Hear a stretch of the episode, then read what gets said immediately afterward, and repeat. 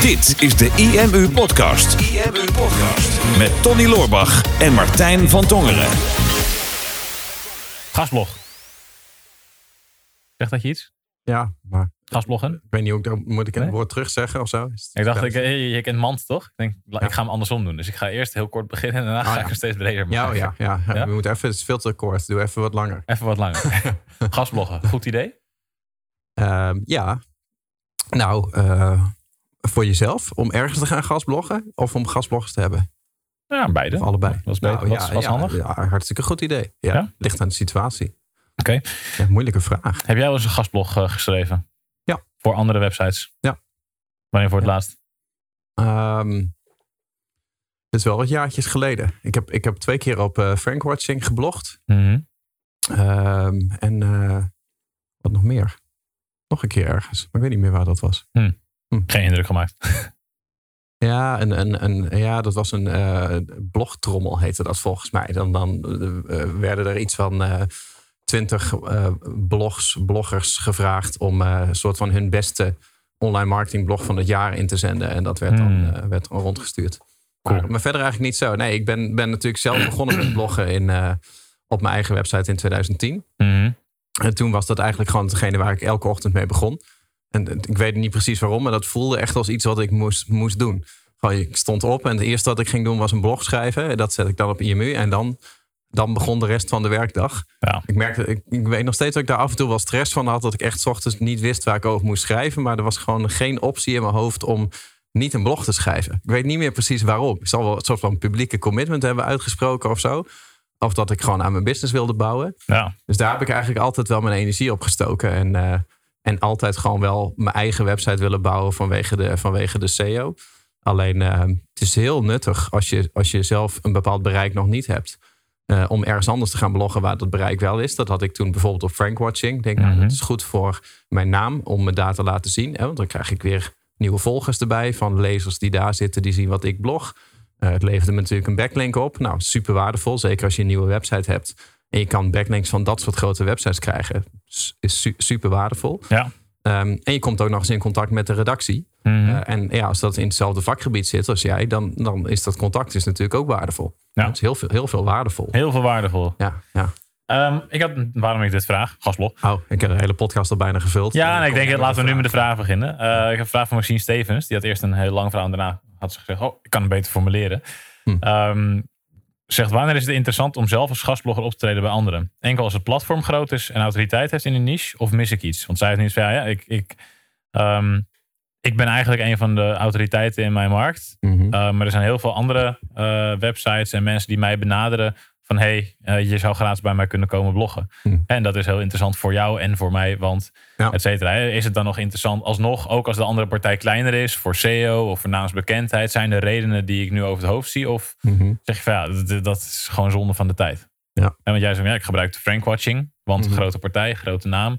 Ja. Dus dat was interessant voor mij. Mhm. Nu heb, heb jij het al heel lang niet gedaan. Ik heb het ook al, ik heb, ik heb het überhaupt maar één keer gedaan volgens mij. Heb je geblogd dan? Ja, dat weet ik niet meer. Oh. Maar het was, ik, ja, dat, is echt, dat was echt zes jaar, zeven jaar geleden toen ik nog in Ah, dienst was. ja. En dat Ja. zal niet, eh, niet heel bijzonder zijn geweest. Toen dacht ik Mm. meer van, nou, het is, het is inter- toen dacht ik wel van, nou, het is interessant om ervoor te zorgen dat je naam op meerdere plekken aanwezig is. Ja, klopt. Ehm, dat doen wij nu natuurlijk wel op, een, op andere manieren. Zoals dat wij op onze eigen website hebben wij ook een sprekerspagina staan waar mensen ons kunnen inhuren als spreker. Maar we staan ook allebei bij uh, despreker.nl zijn we de boek als spreker. En ik heb Mhm. nog een andere website, de jonge sprekers, waar ik dan te huur ben. Daar ben jij dan te oud voor. Oh ja. ja. Daar mag ik dan wel op. Nee, ik heb, ik heb ook nog eentje waar ik in zit, maar ik weet ook niet meer hoe dat heet. Ja. Nou, je hebt dan een paar van die spreeksbureaus. Maar ja, dus als mensen dan op, op Tony Loorbach spreker of Martijn van Tongeren spreker, dan heb je meteen de hele eerste pagina van Google vol met allemaal plekken waar je te boeken bent te spreker. Dat is, op zich is dat interessant dat mensen zien van hey, deze naam komt op heel veel verschillende plekken voor. Hmm. Zeker als het in dezelfde branche zit. Maar ja, Ja. ja. wat, wat, wat vind jij? Interessant om alsnog te doen, ook als een Ja. partij ietsje kleiner is? Ja, ligt dus een beetje aan je doel. Hè? Want, want dit is een waardevolle dat, dat er meer over jou te vinden is dan alleen op je eigen website. Maar dat kan ook met, eh, met affiliates. Kan natuurlijk ook. Dat is Ja. een beetje grijs gebied, want affiliates zijn vaak een beetje, vaak een beetje naar in het bloggen of zo over je. Mhm. Uh, maar goed, dan, dan wordt er ook op andere plekken over jou gesproken. Um, interviews geven vind ik ook een hele fijne vorm. Het hoeft natuurlijk niet uh, dat jij iets schrijft. Je kan natuurlijk ook iets aan iemand anders vertellen die dan die video plaatst of die daar zelf iets over schrijft. Ja. eh, media eh, net zo. Hè? Dus je geeft je content aan iemand anders, aan de media. Ehm, en daarmee voegen zij autoriteit toe en, en bereik. Ehm, en ook weer geloofwaardigheid als iemand jou gaat, gaat googlen. Um, persberichten hebben wij in het verleden ook wel gedaan. Die schrijf je dan wel weer zelf, maar die komen niet op andermans blog. Maar die worden dan weer in de, in de media een beetje gerouleerd. Dus er zijn verschillende vormen. Het ligt een beetje aan je doel. Hè? Als je gewoon zoiets hebt van ja, ik wil graag meer bereik hebben. Dus, dus ik weet wie mijn doelgroep is. En die doelgroep die is er al. Uh, en die gaat al ergens naartoe, maar nog niet naar mij. Mhm. Dan is het zaak dat jij daar naartoe gaat waar je doelgroep is. Ja. En dat kan zijn dat dat een hele grote website is die zegt van oh, ik zou het leuk vinden als je een stukje zou willen bloggen. Maar het kan ook zijn dat er andere samenwerkingen liggen. Nou, ik denk dat bloggen daar best wel iets goed is wat, uh, wat tijdloos is.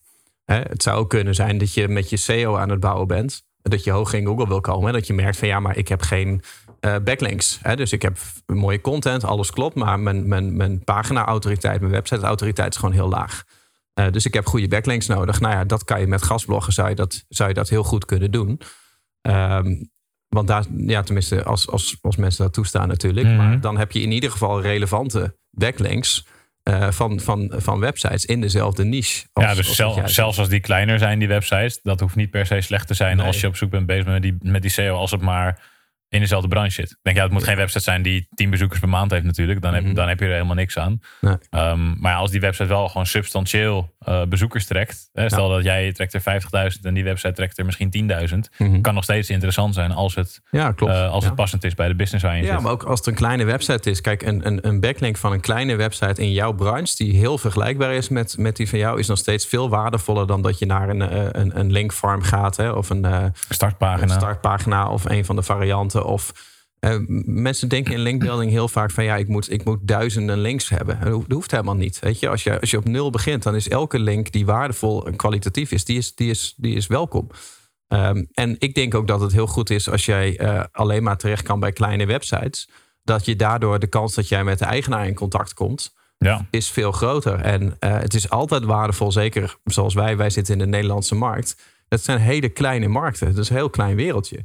Ehm, ik denk dat het altijd goed is dat je alle spelers in jouw markt persoonlijk kent en daar een warme band mee hebt, eh, inclusief je concurrenten. En dat betekent niet, niet dat je elkaar moet promoten of wat dan ook. Eh, kan, je kan zelfs nog best last van elkaar hebben in de markt, Mhm. maar, je, maar je kan persoonlijk wel goed met elkaar zijn. Ik denk dat dat een hele belangrijke is.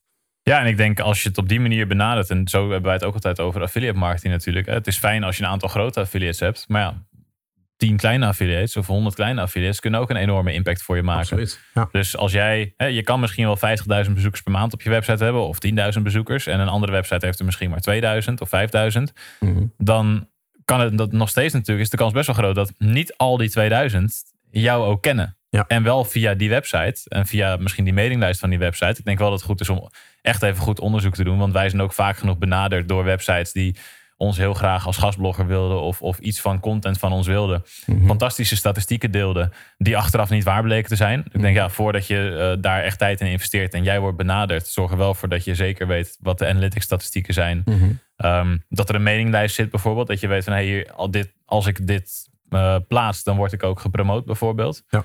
Hè, zodat er in ieder geval een, een duidelijke vorm van exposure voor jou bij zit. Mhm. En dat je dan weet van nou, oké, al gaat het maar naar een, een x aantal honderd of een x aantal duizend mensen. Dan kom je wel weer bij een groep mensen in de kijker die je daarvoor misschien nog niet kende. Ja, klopt. En zelfs als er een groep mensen zit die je wel kent, kan het nog steeds relevant zijn, denk ik. Ja. Want Ja. als jij alleen maar zegt van hé, hey, ehm, ik ben Martijn en ik ben fantastisch. Nou, waarom denk zou ik dat zeggen? Zo heet ik helemaal niet. Jij zegt dat dan niet. Nee. Ah, nou, dat vind ik gek. Ja. Ja. Nee, jij, meestal, jij bent Martijn en jij bent fantastisch. Maar dat is al Heb ik nog niet zo vaak gezegd. nee, zelden in die volgorde. ik ben niet zo'n complimenteus type. Nou, je voelt de liefde wel, toch? Ja, ik voel, ik voel het wel. Ja. Maar goed, hè, jouw aanbeveling aan mij is alweer waardevoller. Ja. Maar als er nog tien andere mensen zijn die niet eens mijn businesspartner zijn, Mhm. maar ook zeggen dat, dat ik fantastisch ben of dat ik iets waardevols te brengen heb of, of mijn content promoten, Mhm. Dan krijgt het veel meer credibility. Dus zelfs daardoor kan het al heel relevant zijn dat jij op, op elke beetje interessante website eh, naar voren komt. Ehm, zodat mensen weten, oké, dit is wel echt de beste in deze markt.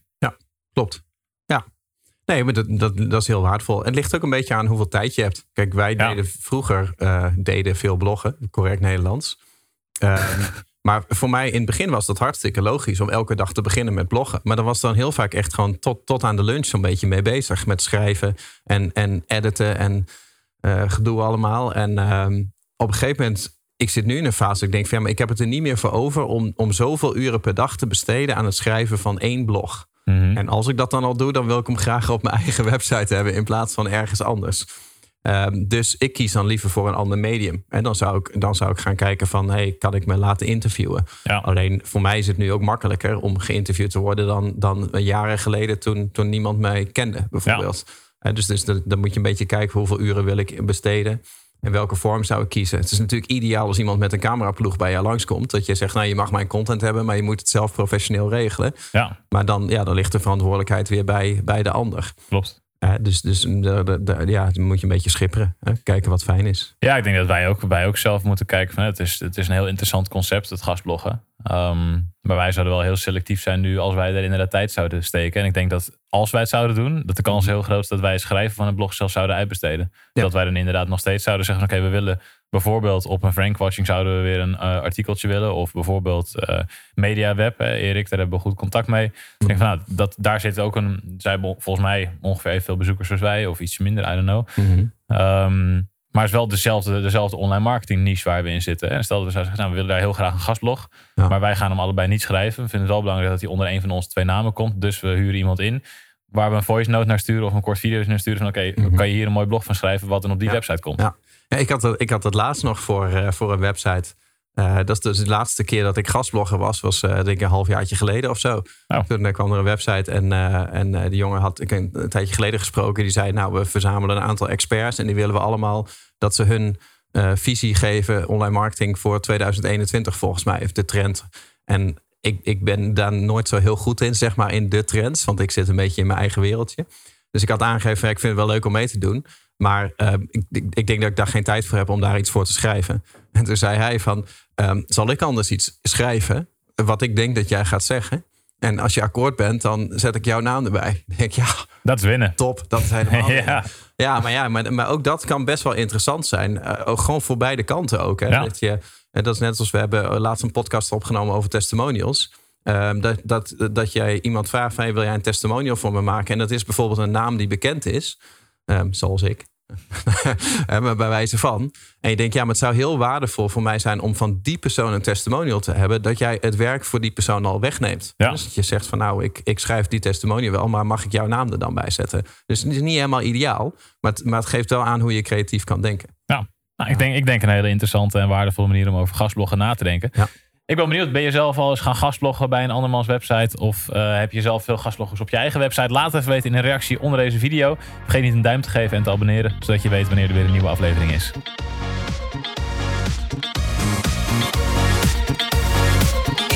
Podcast.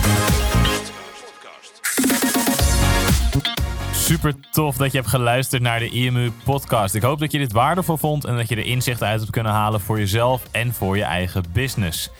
Vond je dit nou een waardevolle podcast, dan zouden Tony en ik het heel erg waarderen als je dat zou willen delen. Enerzijds door dat bijvoorbeeld te delen via je eigen Instagram of via LinkedIn. Door een screenshot te maken van je telefoonscherm en ons daar even in te taggen. Maar wat we nog meer zouden waarderen is als je de tijd en moeite zou willen nemen om een review achter te laten. Werk je met een Apple-telefoon, dan kan je dat doen binnen je eigen podcast-app door daar een review te geven. Geef volgens een x aantal sterren met daarbij een korte motivatie wat je van onze podcast vindt. Zouden we echt enorm waarderen als je die tijd zou willen nemen.